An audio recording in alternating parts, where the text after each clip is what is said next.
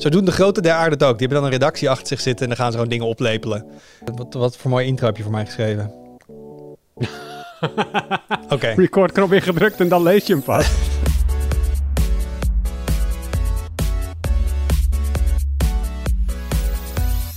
Hoi, leuk dat je luistert. Welkom bij een nieuwe aflevering van de Tweakers Podcast. Mijn naam is Wout en vandaag zit ik in de podcast met Stefan Vegelien. Hoi. Met Thijs Hofmans. En met Arnaud Wokke. Hi. Nou, wie eh, wel eens een sci-fi film eh, kijkt, die weet het is onvermijdelijk. Robots nemen de wereld over en eh, they will wipe us out. of niet. Dat is misschien nog wel even, eventjes van ons verwijderd. Maar intussen wordt er wel heel druk gebouwd aan robots. En ze nemen dus ook steeds meer vormen aan die er soms wel een beetje... Nou, een beetje eng uitzien. Zoals de robot Spot. Die heb je misschien wel eens gezien van Boston Dynamics. Um, eerst in heel veel filmpjes waar hij altijd de, zijn, zijn caretakers een poging deden om om te schoppen. Um, maar inmiddels is Spot ook op een aantal plekken in gebruik. Zo ook in Nederland. En uh, uh, Stefan uh, is daarmee aan de slag geweest. Hij is bij een paar van die plekken geweest. Thijs, je hebt hem ook in levende lijven gezien. Ja. Dus daar gaan we het zo meteen over hebben. Maar eerst natuurlijk de highlights. En ik begin hem bij in minuten Thijs. Ja, um, ik wilde het even hebben over het International Space Station. Dat wil ik Tuurlijk. altijd al, oh, ja. maar ik heb er nu een goede reden voor natuurlijk. Voor de mensen die op YouTube ja. kijken, als Thijs nu zijn arm opsteekt... Ja, ja. Dan zie je daar een tattoo van het International Space Station. dus wij zijn niet heel erg verbaasd. Maar het is niet, zo, niet voor niks dat ik dat ding heb. Want het, sowieso is dit natuurlijk een, een, een, een modern marvel of engineering. Um, ja. Maar wat ik vooral interessant vind en waar ik de afgelopen dagen heel veel aan heb gedacht... is wat er in hemelsnaam gaat gebeuren met het International Space Station. Nu met het hele gedoe in Rusland en Oekraïne. Dat, uh, overigens, spoiler alert, als je nu een antwoord op die vraag wil, dat heb ik niet. Dat is uh, heel lastig, want net Vond zoals... mooi, dat, dat was de conclusie van jouw Twitter-thread. Die was een Twitter-thread gestart van uh, 7, 8 posts of zo. Denk, nou, ja. interessant. Gaat Thijs even analyseren wat er gaat gebeuren. Ja. En, en je laatste post was heel, heel jammer. Ja, ik heb geen idee. Ja, maar dat is eigenlijk. Ik, ik kan me erachter verschuilen dat niks op dit moment in het Oekraïne-conflict volgens mij uh, voorspeld kan worden. Verder dan een uurtje vooruit of zo. Dus ook dit is, een, een uh, is daar een voorbeeld van. Maar weet je wat altijd zo mooi is geweest aan het International Space Station? Is dat is het grootste, misschien wel het grootste project dat, dat Amerika en Rusland, of eigenlijk het Westen en Rusland, samen doen. En het is natuurlijk fantastisch dat dat kon. Ondanks al die strubbelingen. In 2014 heeft het die, die, die hele Krimoorlog, heeft het, heeft het, die, die diplomatieke oorlog heeft het overleefd. Um, en al, al die shit, jarenlang, al twintig jaar, gaat dat goed daar.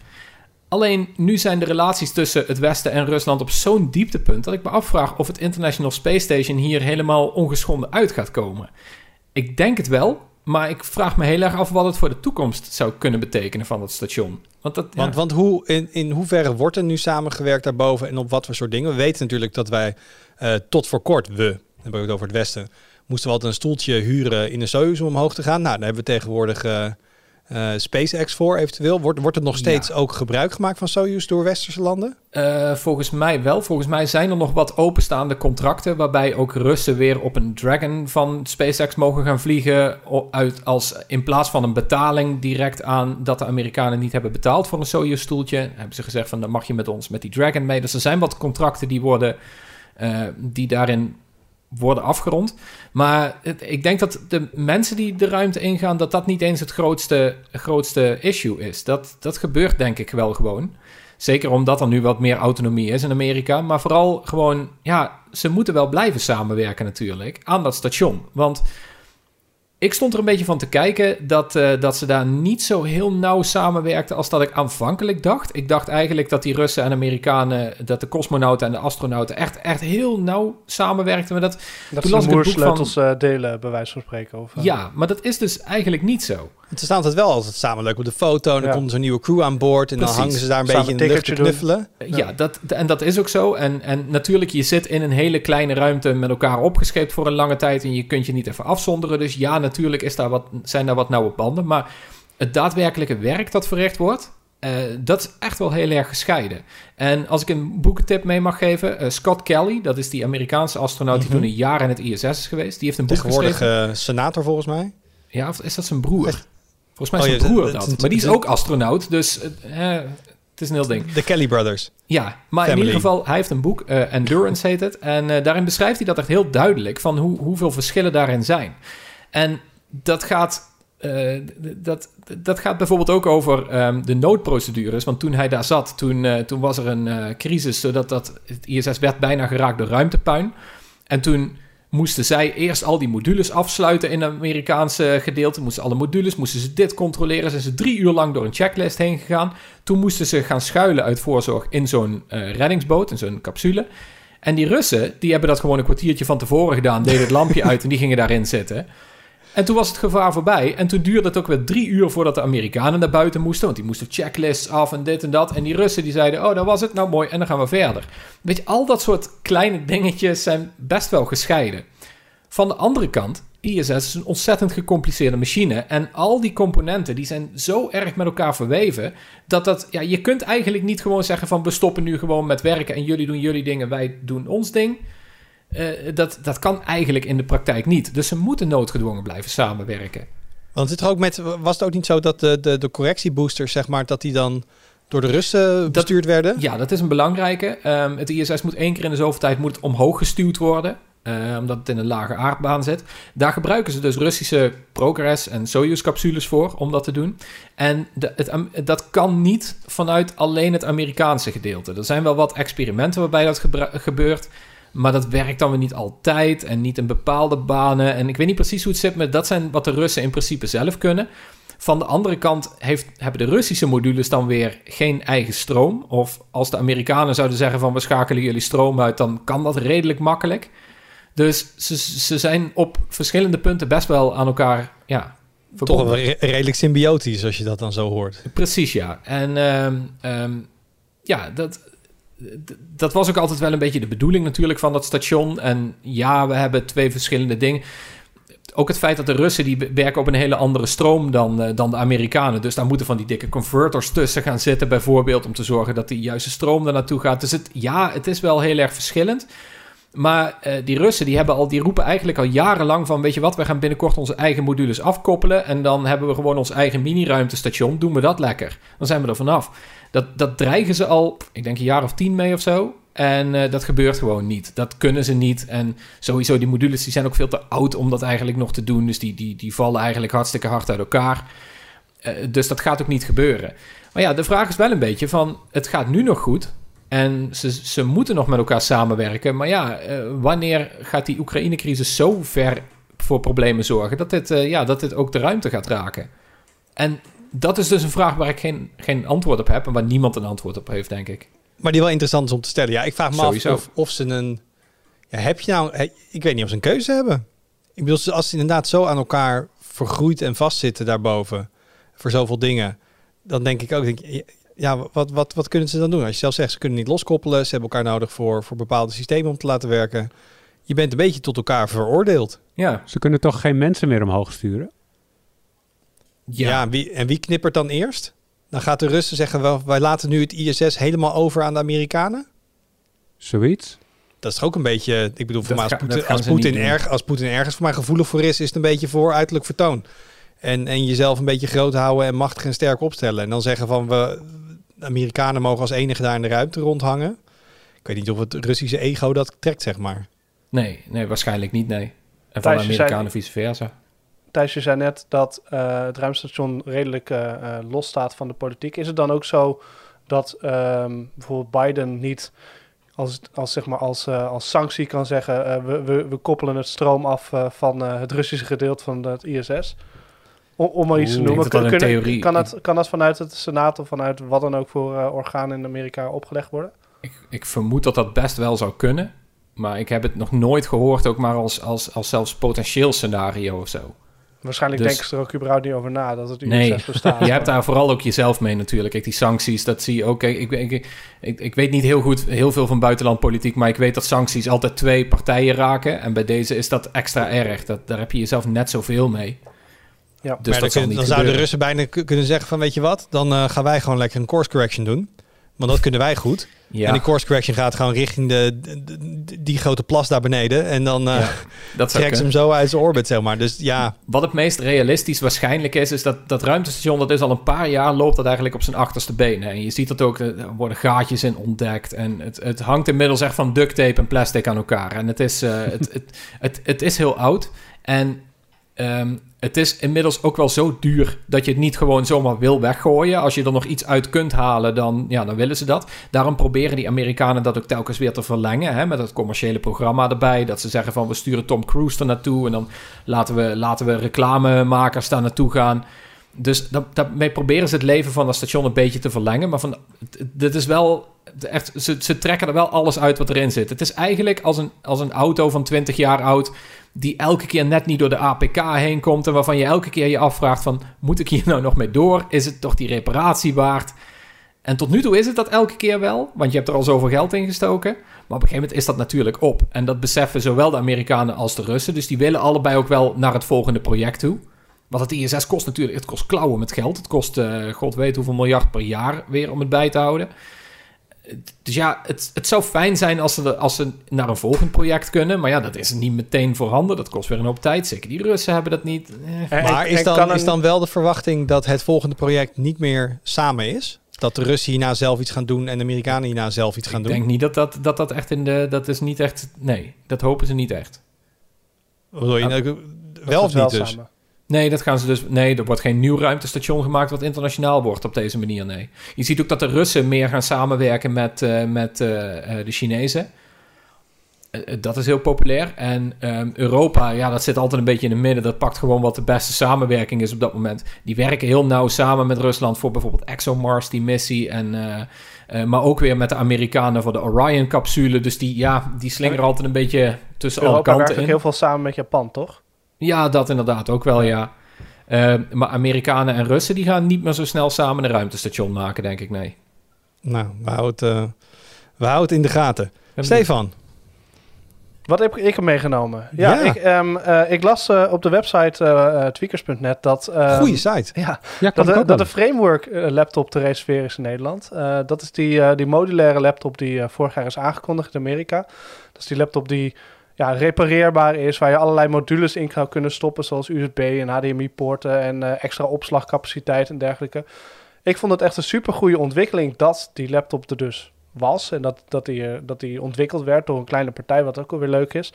Um, en um, nou ja, sinds februari, of sorry, sinds eind vorig jaar zou die, die laptop ook naar, naar Europa komen. Nederland ontbrak toen nog in het lijstje, maar nu is hij dus wel te reserveren in, uh, in Nederland. En uh, uh, ja, als je die koopt, dan, dan krijg je die in maart. Dat vind ik best wel interessant. Maar het is dus, ik heb het ook een klein beetje voor. Het is dus een, je kan een, een voorgeconfigureerde versie kopen. Je kan ook een soort ja. zelfbouw ding ja. doen. En, en hoeveel valt hier dan aan te customizen? Nou, um, er is eigenlijk alles is eraan te repareren. Dat is sowieso wel interessant. Dus het, het, scherm kan eruit en het toetsenbord kan vervangen en alle, alle interne modules kunnen vervangen. Je zit qua modulariteit wel een klein beetje vast in hun platform natuurlijk, want ze hebben allemaal modules gebouwd. Uh, maar uh, dingen als een, een NVMe-schijf, die, die, die is ja, redelijk um, um, ja, hoe heet dat? die kun je van alles inzetten. Volgens mij ben je wel enigszins beperkt qua CPU en GPU, maar, maar alsnog is het wel een, een, een, heel erg ja, een interessante laptop, omdat het juist ook een soort van, een, een soort van visie heeft voor de toekomst. En dat vind ik wel, wel heel erg boeiend. Dat het, ja, dat het eigenlijk een beetje het ingaat tegen, tegen die, die trend die we heel erg zien op, uh, ook op telefoongebied. En, en, uh, en, en ook, consumeren, uh, consumeren, consumeren, nou ja, consumeren. Dat en, en inderdaad dat het, zeg maar, het, plant obsolescence. En nu krijg je een laptop die, die wel repareerbaar is, die ook komt met een soort van het marktplaats voor tweedehands onderdelen die zij zelf hebben uh, uh, opgezet, wat wel heel erg interessant is. ze hebben onlangs een flinke kapitaalinjectie gehad, 18 miljoen euro. En daarmee zeggen ze ook dat ze inderdaad, dat is waarom ze nu naar Europa kunnen komen. Waarom ze naar meer landen kunnen komen, omdat ja, die logistiek is natuurlijk super ingewikkeld. En um, ja, ik, vond, ik vind het wel een heel erg interessante laptop. En ik, wat ik ook wel interessant vind, is dat zo'n partij als bijvoorbeeld nou, Linus Tech Tips, die kennen jullie waarschijnlijk wel. Ik wil net zeggen, je zegt die 18 miljoen met dank aan Ome Linus. Onder andere, nou, niet in deze ronde toevallig. Hij heeft al in een eerdere ronde uh, wat geld bijgedragen. Niet uh, zoveel, volgens mij was het iets van 100.000 dollar of zo. Maar uh, ja, dat is wel interessant. Dat, dat, dat ook, ook zo'n part, zo'n partij als Linus Tech Tips gewoon, gewoon zegt van... Nou ja, ik ben een soort van onafhankelijk, maar ik geloof hier heel erg in. Ik geloof heel erg in die ja, in die repareerbaarheid en in, in die modulariteit. En die, dat hebben we echt nodig voor de toekomst. En dan ben ik het eigenlijk wel een beetje met hem eens. Ik zie trouwens Linus er prima voor aan. Die gaat hem gewoon reviewen hoor. Dat is, eh, dat is helemaal geen conflict. Dat, dat moet nee, maar, gewoon dat, kunnen. maar da- dat, dat heeft hij ook al gedaan hoor. Ja, maar ik ben, ik ben het wel met je eens. Wat, wat, kijk, ik moet natuurlijk meteen denken aan... dit is de, de, de, de, de, de fair top. Mhm. Zeg maar waar we de Fairphone hebben, is dit dan de, de Fair Level. Ik bedoel, het, het zit voor mij minder op, op eh, fair sourcing, maar dan wel op hè, repareerbaarheid, dat soort dingen. Ja. Maar ik kan me ook heel goed voorstellen dat, hebben het ook vaak nog over de Fairphone gehad, en dat je dan toch wel, nou, je moet echt wel concessies doen. Hè, er zijn echt wel dingen waarvan je denkt, ja, dat, zit er niet op in de camera's en, en andere dingen. En ik heb wel het idee, omdat laptops tegenwoordig veel meer toch al een soort bouwpakketjes zijn, Ja. toch al meer een soort commodity, ehm, dat, ehm, dat je hier misschien ook minder, ja, gewoon minder concessies hoeft te doen uiteindelijk. Want eh, ja, ik weet niet hoe de kwaliteit Ja. bijvoorbeeld van het toetsenbord moet een beetje oké zijn en een touchpad, maar CPU, GPU, AMD of Intel. Gewoon een SSD erin, komt gewoon bij dezelfde SSD-boer vandaan die eh, in je normale laptop zit. Ze hebben natuurlijk een wifi-chip van Broadcom of iets vergelijkbaars. Ehm, dus ik, ik ben ook best wel enthousiast. En ik kan me zomaar voorstellen dat je als je dit bouwt, dat je gewoon een heel stuk minder hoeft in te leveren ten opzichte van een, een Asus, een Acer of een Lenovo laptop van hetzelfde geld. En het is natuurlijk ook gewoon heel erg leuk dat je hem open kan maken. Of dat je zelfs hem als bouwpakket kan kopen. Dat je hem zelf in elkaar moet zetten. Mhm. dat, dat, dat geeft natuurlijk wel een extra band met je laptop, om het maar even te noemen. Dus toch, ja, ik, dat vind ik wel leuk. Dat, dat, eh, dat, dat er dus een laptop is waarbij je ja, niet bang bent om hem open te maken. Want eh, de laptop die ik hier eh, voor me heb, dat, dan zou ik dat niet zo snel doen, denk ik. Ik ben bang dat, er, dat ik ergens een of andere zegeling kapot maak. Of dat er batterij sloop of een, een schroefje kapot draaien die met Loctite vastzit. Noem maar wat. Ja, en je hebt natuurlijk het, het, het softwareverhaal. Eh, hè, waarbij een smartphone dan moet je over de updates en dat soort. Ja, hier draait dan gewoon, neem ik aan, Windows op. Ja. Ehm, en dat heb je ook helemaal gewoon in eigen hand. En dat kun je gewoon updaten. Ja. Ehm, maar dus eh, we, zijn super enthousiast, eh, Stefan. Dus heb Ja. jij jouw eh, aanbetaling al gedaan? Eh, nee, ik heb hem niet beta- eh, gedaan, want ik heb een prachtige laptop van, eh, van Tweakers. Dus ik heb het nog niet echt nodig om nog een laptop bij te nemen. Maar, nee, maar wel Laat ik zeggen. ja. Stel, ehm, jij gaat ooit eh, het, les, het nest weer verlaten en je gaat ergens heen. Je, je bezit geen laptop. Als je Dan nu in is de dit markt wel voor mijn laptop... eerste keuze, denk ik, ja. Ja? Hoe Ja. zou het voor jou zijn, Arnoud?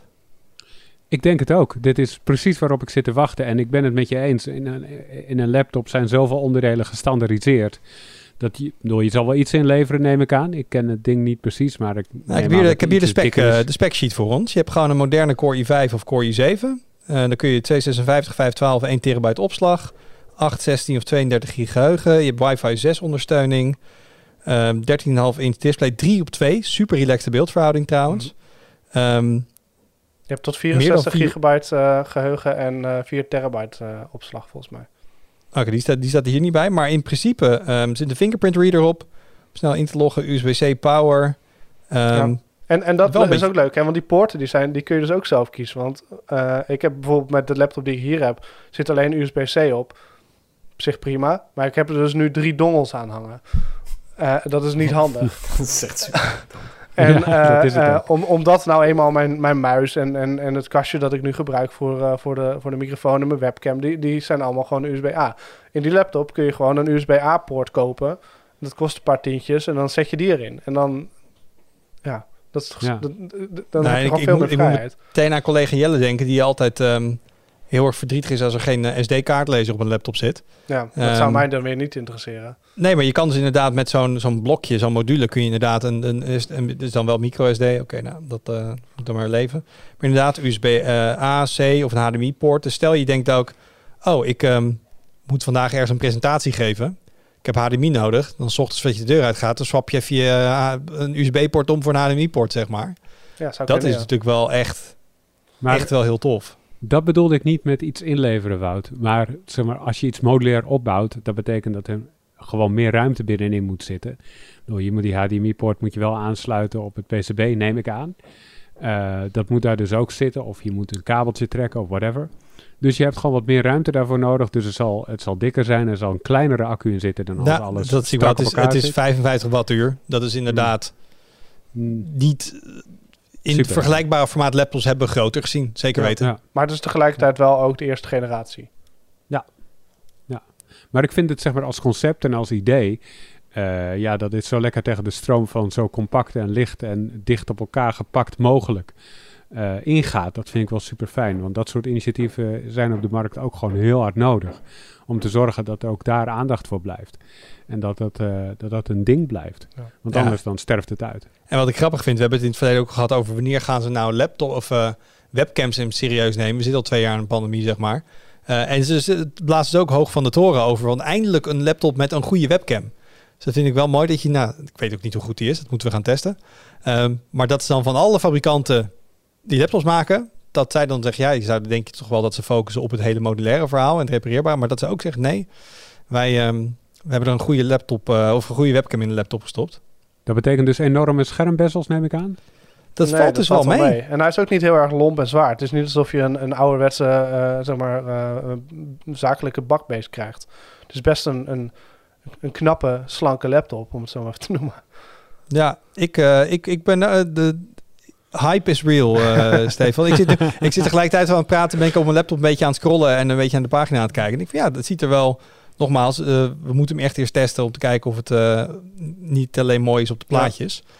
Maar ehm, ik vind het wel een vet idee inderdaad. Thijs, Ja, ik denk... waarschijnlijk kun je er ook Linux op draaien, Thijs. Ja, nou, say no more. Nee, ja, dan, dan is het goed. Ik, nee, het klink, klinkt inderdaad wel goed. En ik vraag me inderdaad af op die dingen waar je op inlevert. Ehm, de- puur naar mezelf gekeken, hecht ik daarbij een laptop toch wat minder waarde aan dan aan mijn telefoon bijvoorbeeld. Van mijn telefoon zou ik heel graag naar een Fairphone toe willen, maar ik vind, het toch, ik vind die stap toch net iets te groot op dit moment Mhm. omdat je inderdaad net iets te veel inlevert op te veel dingen die ik belangrijk vind. En bij mijn, lap, mijn laptop zie ik echt nog steeds als een tweede bijcomputer die handig is om, ja, als ik, het, als ik iets aan de keukentafel wil doen of op de, op de bank of zo. Maar als ik iets serieus wil gaan doen, dan ga ik op mijn desktop. En ik weet dat veel mensen natuurlijk weer op een andere manier werken. Maar als ik kijk naar hoeveel waarde ik hecht aan de specs van mijn laptop versus van mijn telefoon. Dan zie ik, dat, dan zie, zie ik dit wel als een goede optie, ja. Dan vind ik het niet zo erg om iets in te leveren voor een wat duurzamer model. Ja, nou, we gaan niet zeker weten op terugkomen, want eh, ik, ik, nou, ik weet het niet zeker eraan, maar ik kan me niet voorstellen dat het ding niet onze kant op komt. Eh, en als hij niet eh, via hun PR-afdeling komt, dan gaan we hem wel kopen. Eh, want dit, dit, dit, nou, Vol- het heet de framework, we maar je kan net zo goed... hele tijd eh, contact met... eh, met, met Ja, je, je, dit zou je ook gewoon de tweakers laptop kunnen noemen. Eh, in, in, in spirit. Dus ehm, ik ben heel benieuwd. En zodra die op kantoor is, dan is, het, is dat een dag dat ik op kantoor moet zijn. Want dan wil ik, er, dan wil ik ermee pielen. Arnoud, Ja, ik, net als Thijs ga ik een heel verhaal vertellen. En aan het einde ehm, eh, heb ik geen conclusie. Maar ik ga het toch doen. Ik haat het als dat gebeurt. Ja? Ja. Nou ja, dan ben je alvast voorbereid. Ehm, laat ik beginnen bij de Galaxy Note 7. Weten jullie die telefoon nog te herinneren? Ja, als er echt mensen van Samsung nu luisteren, denken ze serieus Arnoud, laat het nou een keer rusten. Dat is een mooie oude koe. In 2016 kwam hij uit, als ik het uit mijn hoofd zeg. En eh, die, die deed boom. Eh, door de accu die eh, iets te krap in de behuizing zat naar verluid. Eh, heel probleem. En die telefoon werd ook verboden in vliegtuigen en zo. Ze waren bang dat eh, als je hem in je zak zou hebben, dat hij dan het hele vliegtuig in gevaar zou brengen. Dat soort dingen. Grote PR-ramp voor Samsung. Sindsdien zijn ze heel voorzichtig geweest met accu's in hun telefoons. En dat heeft wel degelijk gevolgen gehad de afgelopen jaren. Want terwijl Xiaomi en Oppo en OnePlus heel snel naar, eh, naar eh, snelladers gingen, dus eh, heel snel je telefoon kunnen opladen, bleef Samsung lang achter. En eh, inmiddels is het al zover dat eh, als je de snelst ladende telefoon van Xiaomi hebt, zit je aan 120 watt op papier. Eh, bij eh, Oppo en OnePlus zit je rond de 67 watt. Huawei zit er ook ergens. En Samsung zat tot nu toe op 25 watt en maakt nu met de S22 eindelijk de stap naar 45 watt. Maar nou komt het. Dan denk je, ik koop zo'n mooie dure S22 Ultra en ik wil daar de snelste lader bij hebben. Die zit natuurlijk niet in de doos, want dat doen ze niet meer. Ik wil daar de snelste lader bij hebben om het snelst op te laden. Dan koop jij een Samsung lader 45 watt die volgens Samsung zelf compatible is. Ehm, en dan loop je tegen een probleem aan. Namelijk, als je hem oplaadt, dan wordt hij te snel warm, dan gaat hij throttelen en binnen een paar minuten schakelt hij terug van ongeveer 36 watt naar iets onder de 30 watt of iets erboven. Kortom, je laat hem nauwelijks sneller op dan de 25 watt die tot nu toe in hun telefoon zat. En ehm, dat is een groot probleem. En er is, eh, om dat op te lossen, want dat is een probleem en dat is er om op te lossen, is er een nieuwe Samsung lader eh, van 45 watt. Die kun je nauwelijks uit elkaar houden. En nu werd het geval, toen wij de S22 Ultra gingen reviewen, zei Samsung, willen jullie daar de lader bij hebben uh, voor de laadtest? En toen zeiden we, ja, graag. Maar dat pakketje liet lang op zich wachten. Toen uh, zijn de mensen van Testlab naar een retailer gereden in de buurt, hebben daar die lader gekocht. En nu hebben we dus twee laders liggen. En dat zijn die twee verschillende laders. De oude die we zelf hebben gekocht, die dus heel snel throttelt, en de nieuwe van Samsung zelf. Uh, en beide zijn 45 watt, beide zijn compatible met de S22 Ultra. Uh, en dus gaan we het verschil zien hoe, dat, uh, hoe, dat, hoe, sneller je met de een kan laden ten opzichte van de andere. En nu vraag je natuurlijk, en hoeveel is dat verschil? Dat weet ik nog niet, want we zijn nog bezig. Nee, ik kan je zeggen, ik heb ze net met eigen oog hier op kantoor kunnen aanschouwen. Want dit verhaal werd bij net verteld door Mark van Steslab. Uh, je zei, we zijn bijna niet uit elkaar te houden. Dat valt mee. Uh, want ja. er zit een, een, wel degelijk een, een, een grote, in, gro grote verschil in grootte in. Zeker. En dan zou je denken, oké, okay, dus de nieuwe die wel goed laat, die is dan groter. Dan kan die zijn warmte beter afvoeren. Nee, het is precies zoals je het andersom dat je niet denkt. Dus de kleinere versie throttelt niet. En de grotere, ja. waarvan je denkt, die kan zijn warmte beter kwijt, die throttelt wel. Klopt. Um, maar ja, maar dat is als je ze naast elkaar op het bureau hebt. Dan kan je ze uit elkaar houden. Maar Ja, stel je voor, jij gaat naar de winkel. Dan moet je de type nummers weten om ze uit elkaar te houden. Eh, makkelijk te onthouden als je de nieuwe wil hebben. In het type nummer zit het getal 45. Eh, dus zo kan je het onthouden. In die oude zit dat niet. Dat heeft een heel ander type nummer. Mooi ezelsbruggetje. He, wil je de nieuwe hebben? 45. Moet in een type nummer zitten. Dan heb je de goede te pakken. Maar hoeveel het verschil maakt, ja, dat, dat moeten we dus nog zien. Maar uh, wel ik vond dit wel iets- Als je, als je straks de mediamarkt, als je straks de mediamarkt binnenloopt en je hebt zo'n telefoon en je zegt ik wil een snelle oplader bij, dan moet je ook maar hopen dat die verkoper weet waar je het over hebt en wat, hoe dit Ja. zit. Weet je Ja. wat je ook gewoon kan doen? Zoals ik. Gewoon een moderne telefoon kopen die gewoon helemaal niet snel oplaadt. Dan heb je allemaal geen... Ik, heb, maakt me helemaal ik doe gewoon wat. Wat doet die Pixel 6? 25. Samsung, he- Samsung heeft een 30 watt lader, maar die doet ook geen 30 watt. Dus je komt eh, maar richting de 23 of zo en dan pak je heerlijk rustig. Ik hoef me nergens zorgen om te maken. Lekker Zo, rustig, laden. ik vind, zo rustig vind ik het niet. Eh, ik, ik, ik, ik heb dezelfde telefoon, eh, of eigenlijk eh, zijn kleinere broertje. Maar ehm, eh, ik vind eigenlijk dat die best prima laat. Het is bruikbaar tot, wat is het, 60% of zo gaat het redelijk snel. En dan eh, doet hij er heel lang over.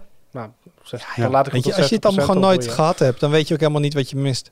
Nou, ik Dan had die voor een OnePlus, die was een stuk sneller met laden. Maar, Ja, oké, dan was je uit je dash charging was je gewend. ja. Maar, Maar eh, ik, ik, ik, ik triggerde hierop, want als je een 45 watt lader verkoopt in plaats van een 25 watt lader, dan verwacht je gewoon, die Ja. is bijna twee keer zo snel met opladen. Want dat is ongeveer wat er op de doos staat. Dat is, en de, en dat, dat maken ze gewoon niet waar, zeker niet met die oude lader. Ja. Ik denk ook niet met die nieuwe, maar, maar dat, zeker dat is zo een, een, sowieso een probleem met laden in het algemeen. Hoe Ja. hoger die vermogens gaan zijn en ook met snelladen. Ehm, als je met je elektrische auto naar het snellaadstation gaat, zijn er zoveel variabelen die van invloed zijn of jij wel of niet die, die maximale snelheid van, van eh, wat is het, eh 250 eh, kilowattuur of zo. Dat ja, de ene keer is het de helft, de andere keer is het heel, de andere keer is drie kwart. En eh, dat je vroeger kon zeggen, ik heb een 5 watt laden en hij trekt altijd 5 watt. Dat, eh, daar, daar zijn we niet meer, zeg maar.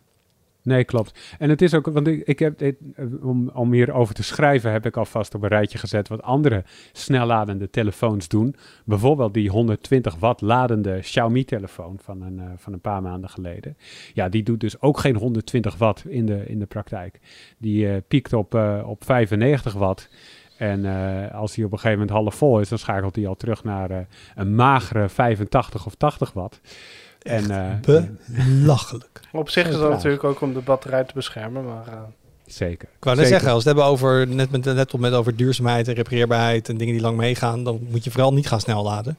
Klopt. Eh, of Zeker in niet tegen de 100%. Ja. Of in ieder geval de dingen, het, beste is natuurlijk wat eh, voorheen ook bij de, de, de, de grote Chinese fabrikanten al eerder naar buiten kwam, is dat ze gewoon zo'n accu, meerdere accu's er feitelijk instoppen Ja. en gewoon die dingen parallel opladen.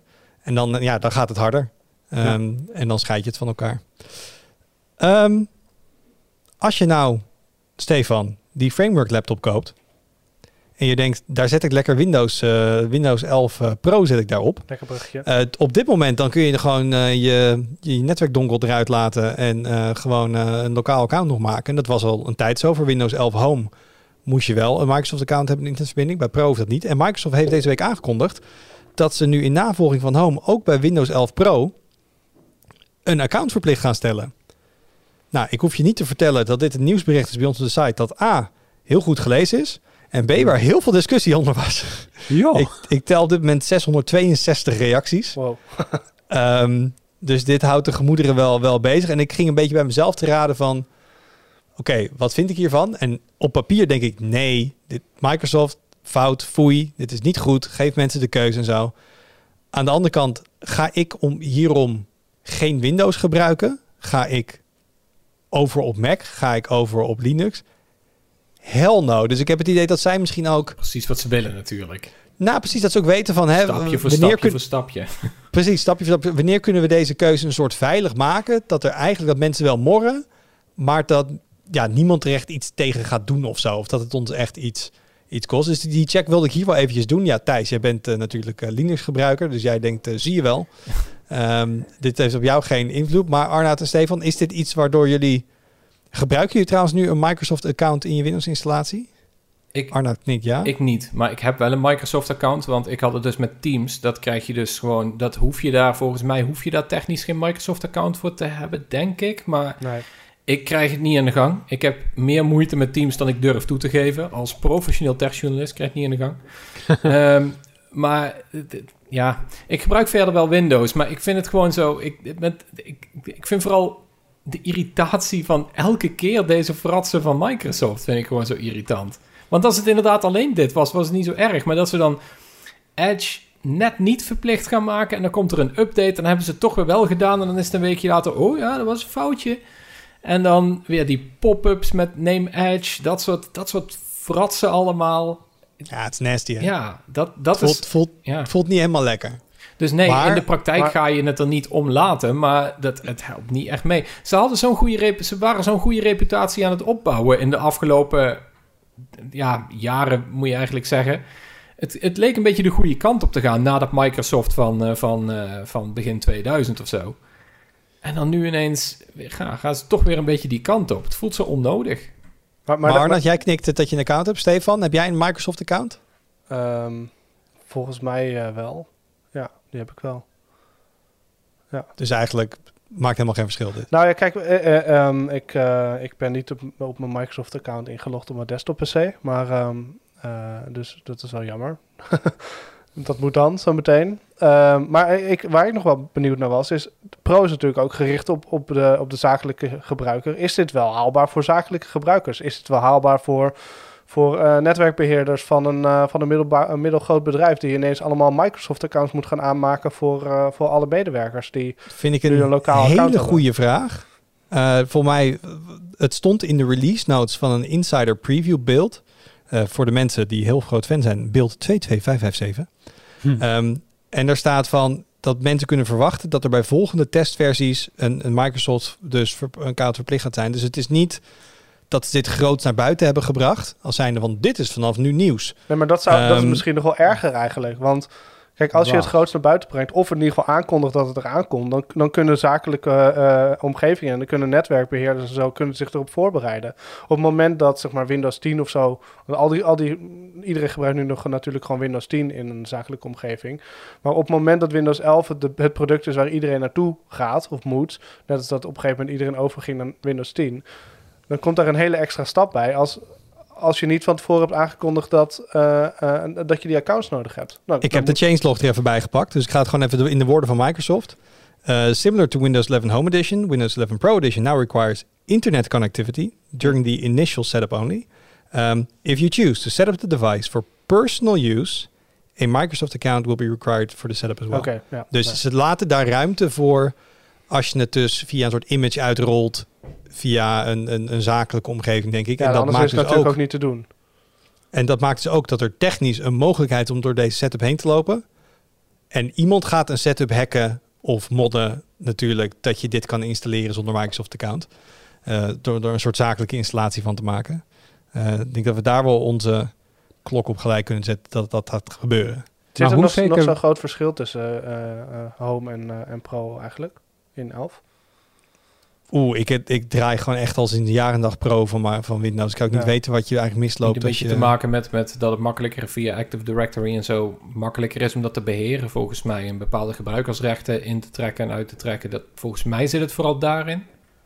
Maar dat weet ik ook niet helemaal zeker. Durft niemand zeggen. Maar Arnold wil iets anders vragen. Ja, hoe zeker weten we dat dit niet alleen een insiders dingetje is? Want dat is natuurlijk de beta-versie van Windows.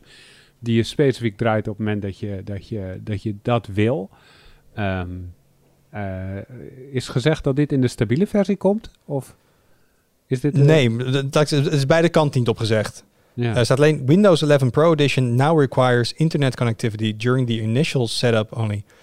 Niet van de dev-versie of de, in het insider-kanaal, of dat wordt allemaal niet gezegd. Alleen Windows 11 Pro heeft dat vanaf nu nodig. Hm. Ehm, dus het, is een beetje verstopt op dit moment qua communicatie. Dus, maar ik, ja, ja, ik vind het ook niet gek, laat ik het zo zeggen. Dat, Nee. ik, ik vind het, het ligt wel in de lijn der verwachting. Eh, dus de hoop is dat iemand ehm, alsnog gewoon even gaat zorgen dat er, er komen registry editing tricks of andere dingen. Dat, dat, nou, nogmaals, ik denk dat je daar, eh, daar wel van uit kan gaan. Maar jongens, we moeten door naar Spot. Ehm, Stefan, Ja. voor iemand die onder een steen heeft geleefd en niet naar de leuke eh, schop spot om filmpjes heeft gekeken. Wie, ik wil bijna zeggen, wie is Spot? Zie je, je bent al helemaal ja. aan het vermenselijken of voor, voor, voor- alsof het een leven ding is. Wat is Spot? Ja, Spot is een, eh, eh, een, een vierbenige lopende eh, industriële robot. Een, een kleine robot. Hij is ongeveer een nou, meter lang en eh, 50 centimeter breed, geloof ik. Het is eigenlijk een soort hondje, hè? Ga ik er toch weer een soort Nou ja, zo- maken. Maar het is eigenlijk een soort mechanisch hondje. Dat is, eh, dat is eh, hoe die bekend staat. Ehm, en eh, ehm, eh, ik ben bij een aantal bedrijven geweest die Spot ook inderdaad netjes op een kussentje hebben liggen. Of, onder een, of in een, een hondenhok. Voor de gein natuurlijk. Maar eh, want als je Ja, maar met dat vindt hij fijn toch? Dat hij gewoon na het Nou werk ja. gewoon even lekker op zijn kussentje Eigenlijk, kan zitten. eigenlijk dus niet, want, want, want dat kussen, daar kan hij niet zelf op liggen. Want als hij erop staat, dan flikkert hij om, omdat dat veel te ins- instabiel is. Goed, nu loop ik op de zaken een beetje vooruit. Eh, Spot, ja. Nou, Spot is dus, is, is dus inderdaad een industriële robot die allerlei taken moet kunnen uitvoeren. eh, inspecties en hij moet camera's dragen en hij kan, kan andere eh, kan route- patrouilles lopen. Je kan hem inzetten voor bewaking bijvoorbeeld. Of het idee was ook om bijvoorbeeld in te zetten op gevaarlijke locaties waar, ja, waar mensen niet kunnen komen, radioactief of, of gevaarlijke stoffen, noem ze maar op. De spot kan dan allemaal data verzamelen en kan, ja, kan, kan dan vervolgens helpen om een plan te bedenken hoe je daar eh, ja, een actie kan uitvoeren. Dat is een beetje Maar het idee is natuurlijk volgens mij wel... Dit kun je ook doen met een, een robotje op, op rupsbanden. Ja.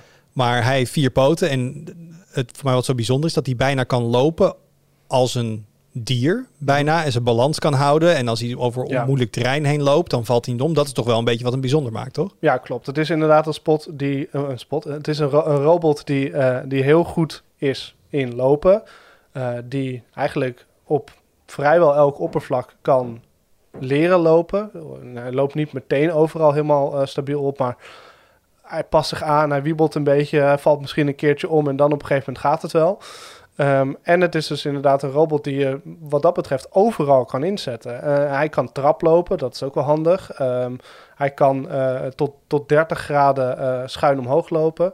Nou, dat zijn allemaal dingen. Probeer dat maar eens met een robot met wielen eronder. Dan wordt het een stuk ingewikkelder om een verdieping omhoog te komen. Nou, dat kan Spot wel. En er zijn een paar andere robots die dat ook kunnen, eh, die een beetje op Spot lijken. Maar Spot is wel de bekendste en, eh, en ook de, de, meest, eh, ja, de meest gewilde. En zi- zijn er nog andere dingen waarin Spot dan afwijkt van andere industriële robots die je nu al kan aanschaffen? Mm, nou ja, het- hetgene wat Spot heel erg onderscheidt is natuurlijk ook de manier waarop die werkt. Eh, het, het, het, deel autonomie dat die heeft. Ehm, en eh, je krijgt er bijvoorbeeld een softwarepakket bij, een SDK, eh, een developer kit, waarmee je, waarmee je allemaal functies kan toevoegen. En dat is wat Spot wel erg interessant maakt. En hij is relatief goedkoop. Wat, wat is relatief goedkoop in de wereld van de industriële robotdieren? Nou, Spot kost, hou je vast, ehm, de goedkoopste versie van Spot is 70.000 euro. Eh, en dat, eh, dan krijg Oh, dat, je... vind, dat vind ik serieus, vind Ja. ik dat meevallen. Nou, dat, dat, is, dat is, dan krijg je gewoon de robot zelf. Ehm, dan krijg je er geen modules op. Dan krijg je geen softwarepakket bij. Dan heb je de robot en de tablet controller, die een beetje lijkt op een Xbox controller.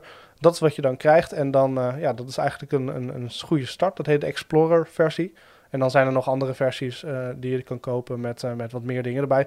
En er zijn allemaal verschillende modules. Uh, camera modules, LiDAR scanners, sniffers die, die gevaarlijke stoffen kunnen ruiken. Je hebt natuurlijk die robotarm die, die, die spot die je veel in de video's gezien hebt. Waarmee die bijvoorbeeld een deur kan openmaken en waar een camera in zit. dat zijn allemaal modules die je kan toevoegen. En nou, die modules die lopen van 1500 euro tot nou, ook 60.000 euro. Maar die, uh, het is natuurlijk heel erg afhankelijk van hoe je hem gebruikt. Maar ik heb het idee dat de meeste toepassingen waar je die robot voor zou willen gebruiken, waar die ook echt wat toevoegt ten opzichte van een werknemer, die werken alleen als je al die flauwekul erbij gaat halen natuurlijk. Nou ja, dat is inderdaad wel interessant dat je dat zegt. Want dat is ook wel een beetje wat ik terugkrijg van de mensen die ik gesproken heb. Ik ben dus ik, de afgelopen, ja, ik kan wel bijna zeggen maanden. Want ik ben vorig jaar maart voor het eerst met de politie in gesprek gegaan hierover. Die hebben dus een spotrobot. Uh, en ik heb wat, aan wat andere bedrijven gesproken. Ik heb dagen meegelopen met, uh, met verschillende bedrijven die me hebben laten zien hoe ze hem inzetten. Um, en wat, wat je ziet is dat zij allemaal hebben gewoon die spotrobot aangeschaft. Uh, die Explorer-versie, die, die, die, die kale module om het zo maar te noemen. En allemaal kopen zij er inderdaad iets bij. Dus een extra camera of een extra LiDAR of, of, of een extra CPU of een uh, eh, 5G-module. Dat zijn allemaal dingen die ze erbij kopen. En um, dat is aan de ene kant kun je dan zeggen dat is uh, misschien een beetje een zwakte van Spot. Dat hij uit zichzelf zo weinig kan. Aan de andere kant is dat natuurlijk ook waar die voor bedoeld is. Het is eigenlijk een soort van een platform, platform om, om allerlei uh, sensoriek uh, ergens heen te krijgen waar je het normaal niet kan krijgen. Ja, maar je zei, waar, ben je, waar is hij nu in gebruik? Je bent bij de politie geweest? Ja, ik, nee, ik ben niet bij de politie geweest. Dat wilde ik heel graag, maar dat, uh, dat is niet gelukt. Um, ik, ben, ik ben zelf ben ik bij um, ingenieursbureau geweest, de Antea Group. zij uh, zij zetten spot in voor bijvoorbeeld inspecties in tunnels en, en onder bruggen. Um, dus dat, en langs het spoor ook. Ze hebben een samenwerking met ProRail daarin. Um, en, en waarom is het logischer om met spot een tunnel te inspecteren dan met een mens? Nou, omdat spot allereerst een stuk kleiner is dan een mens. dus spot kan op plekken komen waar wij minder makkelijk kunnen komen. Um, en spot die is heel erg goed in, en dat, dat krijg, ik, ik ook wel terug van de partijen. Spot is heel goed in steeds op dezelfde manier heel accuraat data verzamelen. De Spot die kan uh, zeg maar een foto maken en bij het volgende rondje dat hij loopt precies op dezelfde plek weer een foto maken. En dat is heel handig als jij uh, als jij uh, voor een inspectie dingen moet vergelijken, als je data moet vergelijken, als je heel veel beeldmateriaal verzamelt. Want mensen zijn daar veel slechter in. Die, die maken de foto net anders, of, of de ene inspecteur die vindt iets, iets, iets belangrijker dan de andere. En je, je, je gaat werken met checklists die, die allemaal net een beetje afwijken. En het voordeel van Spot dus is, als je hem dus voor een, bijvoorbeeld een inspectie inzet, is dat je hem echt gewoon op pad kan sturen. En dat hij met hele accurate data terugkomt. Heel nauwkeurig. En dat je dat uh, ja, vervolgens eigenlijk weer automatisch kan gaan, kan, kan gaan aflezen. En Stefan, je zegt, ik ben de afgelopen weken meegegaan. Ik heb gezien hoe ze het gebruiken. Maar Um, ik, ik heb vorige week in de podcast heb ik mijn 3D-printer al vergeleken met een blockchain. Maar ik heb het idee dat Spot ook een beetje als een blockchain werkt. Dat ik, ik had het idee dat heel veel van die bedrijven die zo'n hond kopen, dat die het kopen met het idee van, dan gaan we wel kijken welk probleem we daarmee op kunnen lossen. Is dat um, in dit geval ook zo? Want ze zeggen allemaal wel waarvoor ze het kunnen ja. en willen gebruiken, maar doen nou ze ja, dat ook? Ik, ik, sprak toevallig tijdens CES, nou niet toevallig, was op uitnodiging van Hyundai, die nu uh, de eigenaar is van, van Boston Dynamics. Um, sprak ik uh, met Mark Rybert, dat is de, de oprichter van, uh, van, van Boston Dynamics. En hij vertelde me dat er eigenlijk drie groepen gebruikers zijn. Dus je hebt aan de ene kant de echte academische gebruikers die vooral heel veel willen leren over spot en willen met automatisering bezig zijn. Dan heb je de echte industriële gebruikers die echt super precies weten wat ze willen ermee. En een voorbeeld daarvan is de politie. Die heeft gewoon heel duidelijk uh, wat zij met Spot willen. Spot moet uh, eigenlijk drie taken uitvoeren. Spot moet voorverkenning doen. Dus die moet een ruimte binnen kunnen. Uh, bijvoorbeeld een, een drugslab in, in, in, in Noord-Brabant. Dat is waar die ook nu voor gebruikt is. En daar een ruimte binnen gaan. Zodat een agent daar niet als eerste naar binnen gaat. Dus een voorverkenning. Om te zien of er booby traps zijn. Of er gevaarlijke stoffen zijn. Dat soort dingen. Maar als ik heel veel, heel veel uit de actualiteit. Gisteren was mhm. er een, een, een was echt bijna een akkefietje, het was wel iets meer. Een gijzeling was er een, eh, een, in de gijzeling Store, ja. eh, op Leidseplein, de Apple Store.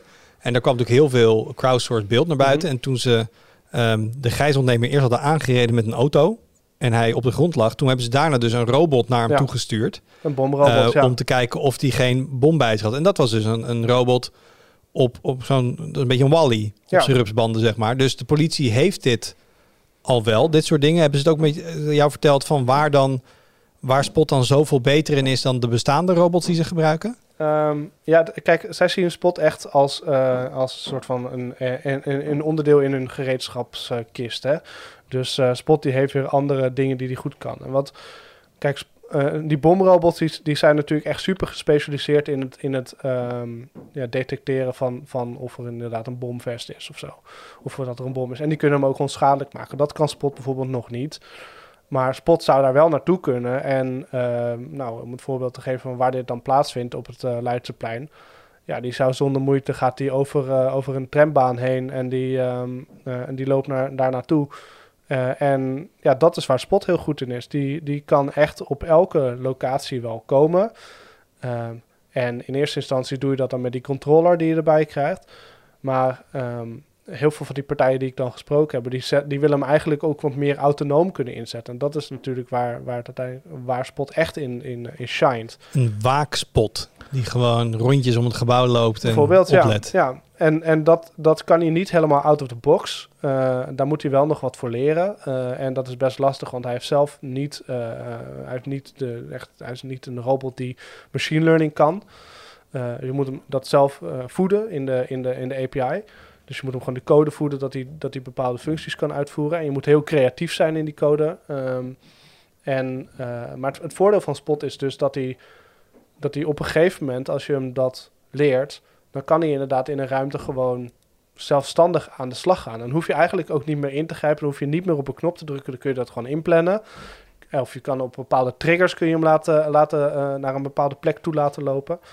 En dat is natuurlijk het voordeel van, van, Is- van zo'n robot. Doe- doen ze dat op dit moment ook? Want ik ben dus inderdaad ook een keer met ze, met ze meegegaan. En Mhm. toen had ik het idee dat dat, dat dat nog niet zo autonoom was. Dat dat heel lang duurde voordat dat echt kon. Dus ik heb het... Ik vraag Ja. me af of dat een dingetje is dat Boston Dynamics zegt dat het kan... of dat hij dat ook daadwerkelijk doet op dit moment. Nou, eh, dat is heel verschillend. Want dat hangt heel erg vanaf wie er aan de knoppen zit. Want, het, eh, want eh, je, je hebt best wel veel kennis nodig. eh, of best wel veel programmeerskills nodig om uiteindelijk Spot die extra taak, die autonomie te geven. Want dat, dat kan hij dus niet uit zichzelf. Wel tot op zekere hoogte, maar niet volledig. Maar er zijn dus inderdaad partijen die daar heel goed in zijn. Je hebt een aantal technische universiteiten die werken samen met de politie om Spot meer autonomie te geven. Zitten natuurlijk bij de politie allemaal haken en ogen aan eh, in hoeverre Spot allerlei eh, dingen zelf mag beslissen. Dus daar zit altijd nog iemand eh, aan de knoppen die kan ingrijpen.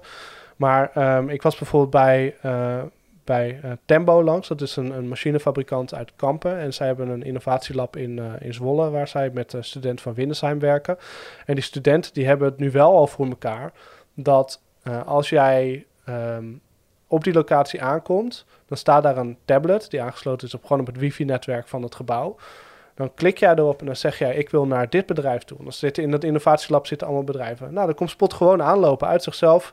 Die kwispelt even en eh, die brengt jou naar de plek toe waar jij moet zijn. Daar komt geen mens meer aan te pas eigenlijk. Dus dat is allemaal voorgeschreven code. De, de Spot die heeft die hele ruimte in kaart gebracht met, eh, met een, eh, met een 3D-scanner. En die hebben ook, een, die hebben ook een, een, een, helemaal een kaart gemaakt van die, van die ruimte.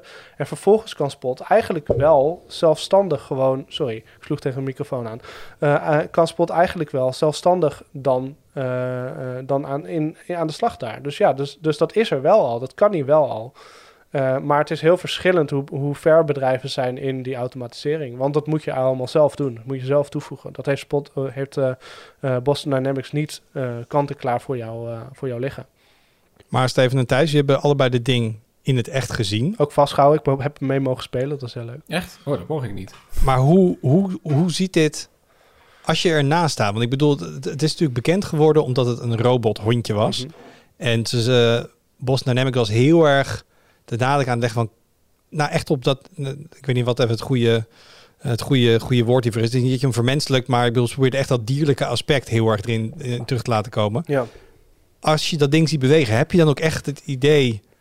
Denk je, dit is gewoon een robot die gewoon aangestuurd wordt? Of denk je, oh, het, het komt bijna over als iets wat uit zichzelf loopt... en wat op een ja, organische manier loopt? Ja, dat, dat laatste wel wat mij betreft. In ieder geval als je hem gewoon laat lopen. Wij, eh, ik ben toen mee geweest naar eh, Rotterdam Centraal. Daar had eh, de NS, die, had, eh, die was een samenwerking aangegaan met eh, de Technische Universiteit Delft. Ik moet eventjes erom liegen wie het precies waren. Yes Delft heeft ze dat start. Ja, Yes Delft, dat was het, ja. Die gingen hem op, op het dak van Rotterdam Centraal uitproberen om te kijken van...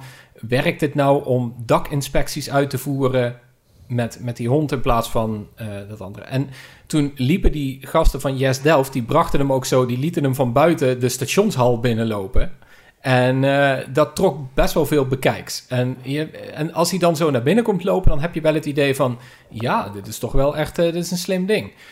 Alleen toen klom hij het dak op en het had geregend... en het waren van die, van die schuine golfplaten naar beneden... en het was spekglad. En hij ging daarop staan. Nou, hij viel de hele tijd om en viel op zijn muil... en het ging helemaal niet goed. Een soort, soort, soort Bambi op het ijs, Ja, een beetje wel, ja. Dat was niet, uh, dat was niet goed. Alleen, ik vond het dan, wat ik mooi vond eraan, was dat hij dat op een gegeven moment wel ging leren.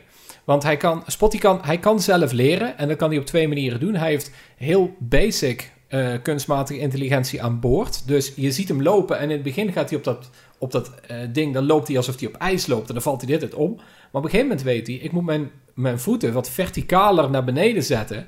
Want dan heb ik, ja, dan ga ik wel iets langzaam, maar dan heb ik meer grip. En toen op een gegeven moment ging hij dat leren uit zichzelf, van hoe hij zelf moest lopen. Dat hebben zij niet ingeprogrammeerd of zo. Um, zij duwen gewoon op vooruit. Op ja, precies. Die zeggen gewoon van, ga daar naartoe. Dus die hebben niet gezegd van, beweeg je poten zo. Dat heeft hij zelf geleerd. En toen zeiden ze van, um, je kunt hem vervolgens daarna ook nog aan een computer hangen... En dan daar allemaal machine learning algoritmes op loslaten, zodat die, hè, dat is dan natuurlijk een stuk krachtiger en dat is voor de echte AI-applicaties maar hij kan dus ook wel uit zichzelf best wel wat, uh, wat slims doen. Ja. Ja, dat eh, klinkt eh, wel indrukwekkend. Was het ook wel, ik, ik, wat ik wel heel erg tof vond... Ik, kijk, ik heb aan de ene kant heb ik natuurlijk... Ik mocht zelf ook met, het, met Spot lopen. Uh, en dat was heel tof. Nou, uh, ik heb zelf een, een, zo'n een DJI-drone. zo'n zo'n zo'n Spark, weet je wel. Um, en het is eigenlijk hetzelfde. Het, het, je, beweegt precies hetzelfde. Je, uh, je beweegt gewoon vooruit en het voelt gewoon heel erg natuurlijk. Dus als je dat al een keer gedaan hebt, of als je, uh, als je third-person uh, games hebt gespeeld, dan weet je gewoon hoe dat werkt. Dus, dus, dus ik denk dat, dat, dat zo ongeveer iedere tweaker soort van intuïtief wel met dat apparaat kan, kan werken. Gewoon met, met die controller met hem aan de slag kan. Dat is heel makkelijk. Dat hoef je hem daar zit dus vrij weinig in dat je uh, vrij weinig te leren, bij wijze van spreken. Maar wat ik echt indrukwekkend vond, en dat was inderdaad ook bij Tembo, dat ik op een gegeven moment gewoon met die gasten in gesprek was, met, met die studenten in gesprek was. En dat Spot gewoon opstond en wegliep. Omdat hij gewoon, omdat, omdat zij hadden gewoon in hun schema staan dat hij op een bepaald tijdstip ging hij zijn rondje doen. En ging hij langs allemaal van die fiducial markers, van die soort van QR-codes. En die ging je scannen. Nou, dat was echt een soort van. Dat was echt een enorme mindfuck. Want dat, was, dat vond ik echt het allermafste moment. Want er was niemand in de buurt van die robot die, dat, die hem dat, dat aanstuurde. Er was niemand die achter de laptop zat, die op een knopje drukte. Er was niemand met die controller in zijn hand. En ik was gewoon het gesprek aan het doen. En, um, en die jongen zegt nou ineens ook: Oh, Oh, nou, hij gaat er nu vandoor. Nou, oké. Nou ja, en we waren eigenlijk aan het filmen, maar ja, Spot ging er vandoor. Dus toen, toen zeiden we, moet, hij, moet ik even ingrijpen om hem te halen? Ik zei, nee, laat hem maar zijn rondje doen. Dan komt hij zo weer terug, dan gaan we dan weer verder. Ja, dus dat was echt heel maf. En dat, dat, dat is dan wel... is het echt een robothond ja, op zo'n moment. Wel, ja, ja. Maar, maar zoals ik zeg, dat is niet out of the box. En dan moet je echt nog wel heel veel toevoegen. Uh, en, um, um, maar ja, wat, wat niet is, kan nog komen. Ja. Ik bedoel het is heel lang natuurlijk een soort research project geweest. Het feit dat je nu, nu zal het ook wel sneller gaan. Ja, dat, ja. Maar oké, dus waar staan we nu? Je hebt deze bedrijven gesproken. Ja. Ze werken nu een tijd mee. Um, zij hebben dus 70k minimaal ge, geïnvesteerd. Zijn, zijn al deze bedrijven helemaal lyrisch? Zijn ze blij? Zijn er bedrijven die zeggen, nou ja, we, testen het nu, maar we gaan er waarschijnlijk niet mee door. Wat is een beetje de consensus op dit moment? Nou, de bedrijven die ik gesproken heb, die waren allemaal erg enthousiast. Die vinden het echt het experiment waard. Voor sommige bedrijven betekent dat dat het gewoon een object is wat, wat, wat heel veel creativiteit uh, en stimulatie toevoegt voor hun uh, ingenieurs bijvoorbeeld. En dat is het al waard. Andere bedrijven zeggen, nou ja, we hebben er nog geen business case voor, maar we zien dat echt in de, nou, laten we zeggen, met een half jaar wel gebeuren. En, en bijvoorbeeld de politie, ja, die kan hem gewoon al inzetten die zijn wel heel erg terughoudend. Die zeggen ja, er zijn nog wel heel veel haken en ogen aan, aan hoe, hoe effectief je hem in kan zetten. En je moet echt wel veel toevoegen. En, en uit zichzelf kan hij gewoon nog niet zoveel. En het bereiken is heel erg beperkt en zo. Maar ik, ik, ik heb wel het idee dat de consensus is dat zij allemaal enthousiast zijn. Dat zij blij zijn dat ze hem gekocht hebben. Uh, en dat, uh, dat er eigenlijk ook geen robot is zoals Spot. die dit op deze manier, op, met dit gemak kan. En ook met, met de hulp van Boston Dynamics. Want die, die, iedereen die hem koopt, die wordt echt aan de hand genomen door Boston Dynamics. Die kun je gewoon mailen, bellen, wat dan ook, om te vragen, om te, te helpen. En dat, dat is natuurlijk ook wel heel erg interessant, dat je dat erbij krijgt. Maar aan dan, Weet jij nou... Ja, ik aan de andere kant, um, um, Yes Delft, die zijn dus met Thijs um, bij de NS langs geweest op Rotterdam Centraal. Volgens mij stond NS niet uh, te springen om hem nou uh, begin dit jaar al in te zetten op het station om allerlei taken uit te voeren. Nee, nee, die, nee. Maar die, die hadden hem ook echt, en daar moet ik ook even bij zeggen, dat vertelden ze er ook wel bij. Zeg van, het is echt gewoon kijken of het iets toevoegt. Mm -hmm. En uh, deel van, van het R&D-budget ging daar waarschijnlijk naartoe. Dus ja, Weet je, op een gegeven moment zeiden ze: we moeten het dak gaan inspecteren met dit ding. En toen liepen wij op dat dak met z'n tienen. En dat ging gewoon goed. En toen kwamen er op een gegeven moment twee werknemers van de NS voorbij. die ook op dat dak werkten. En die inspecteerden dat net zo goed. Dus ja, ja. weet je, dat was de, de guys waaronder ze het wilden doen. Maar. Ja, dat is inderdaad ook wel een beetje wat de politie zei. Is kijk, nu hebben zij iemand die spot bestuurt. Iemand die naar die, al die verschillende uh, sensors kijkt. of naar de, de camera in de gaten houdt ja, op dat moment, kijk, nu moet je dus gewoon met zeker twee man die robots besturen. Dat, dat kan gewoon eigenlijk niet echt. Dat, dat, dat geeft geen meerwaarde. Dat geeft pas meerwaarde op het moment dat, dat je veel meer uit handen kan geven. Dat je één persoon hebt die gewoon alle camera's in de gaten houdt. En dat is het, want Spot die, die, die loopt van zichzelf. Dan, dat, dan is het echt, uh, echt wat waard. En dan voegt het echt wat toe.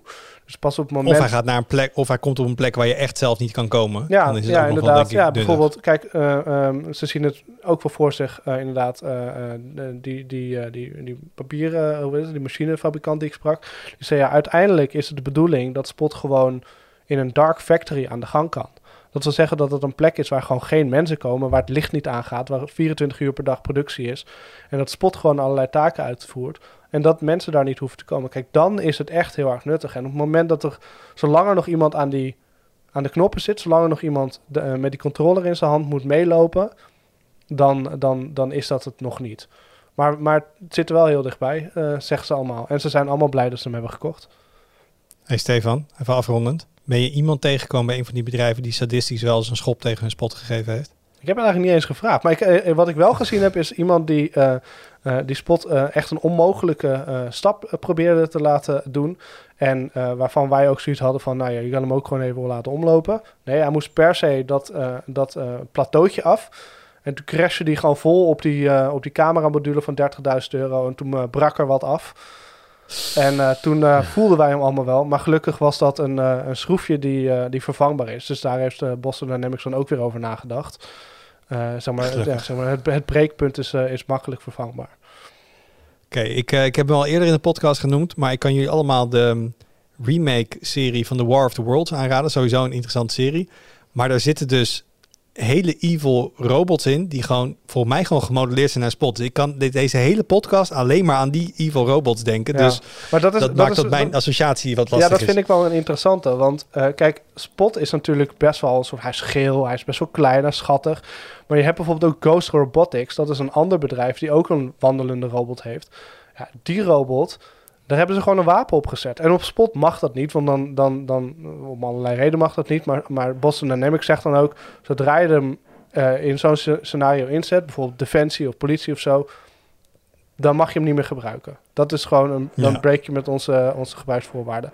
Maar Ghost Robotics is dus een, een, gewoon echt een defensieaannemer. En die heeft een robot die heel erg op spot lijkt, die net ietsjes groter is, die camo kleurtje heeft en een dik machinegeweer bovenop kan zetten. Ja, dan wordt het ineens een heel ander apparaat.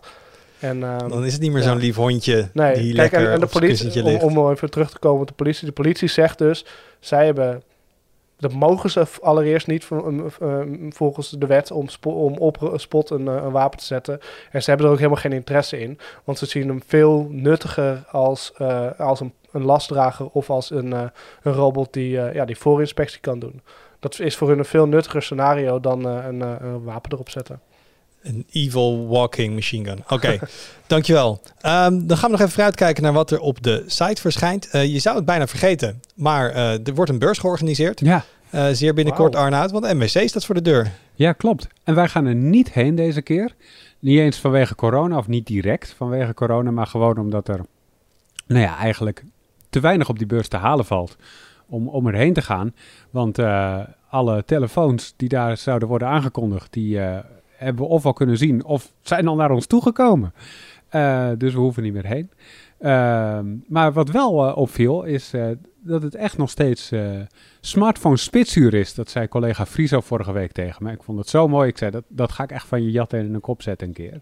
Ik heb een verhaal gemaakt over hoe, ondanks dat er een paar jaar geen Mobile World Congress in februari is geweest. Vorig jaar was in juni, het jaar daarvoor ging helemaal niet door. Uh, dat uh, februari, maart, dat het nog steeds een smartphone seizoen is eigenlijk. Met heel veel nieuwe releases. Heb ik cijfers over opgeduikeld uit de Pricewatch en uh, redenen geduid waarom dat zo zou zijn. En waarom het goed uitkomt om telefoons in februari en maart uit te brengen. Dus als de beurs begint uh, maandag, dan wil ik dat online zetten. Dat lijkt me hartstikke leuk. Als een beetje, een beetje meta doen over, ja. over de beurs en de markt. Nou, je zei zelf al dat sommige dingen zijn eerder uitgekomen. Waaronder Samsung's S22-serie. Dus collega's Friso en Donovan zijn daar druk mee bezig op dit moment. Dus als je deze podcast luistert op de dag die uitkomt, dan kun je morgen als ik het wel heb, Arnoud, op de ja. vrijdag uh, onze review van de S22 Ultra vinden. En wat ook weer heel leuk is, um, is, is Julian bezig geweest met het community interview? Vraagteken, dat weten jullie wel. Ik kijk, ik kijk Thijs aan, virtueel. Ik, ik kijk jou eigenlijk aan, volgens mij wel. Oh, dit is wel In ieder geval, uh, er komt weer een leuk community interview aan met, uh, met community lid Dex. Ditmaal over zijn arcadekast. En nou, de vorige keer was voor mij Julian die het opgetekend had bij meerdere mensen. Dus als jullie het alle drie niet weten, dan is het by ways of elimination best wel makkelijk te zeggen dat het collega Julian, uh, dat is waar. Julian is. Alright, dan, uh, dan rond ik hem hier uh, af. Dankjewel mannen. Dankjewel voor het luisteren. Heb je nou feedback op de podcast? Dat horen we heel graag. Kun je even een reactie achterlaten op de site. Of ons mailen op podcast.tweakers.net. Tot volgende week. Doei.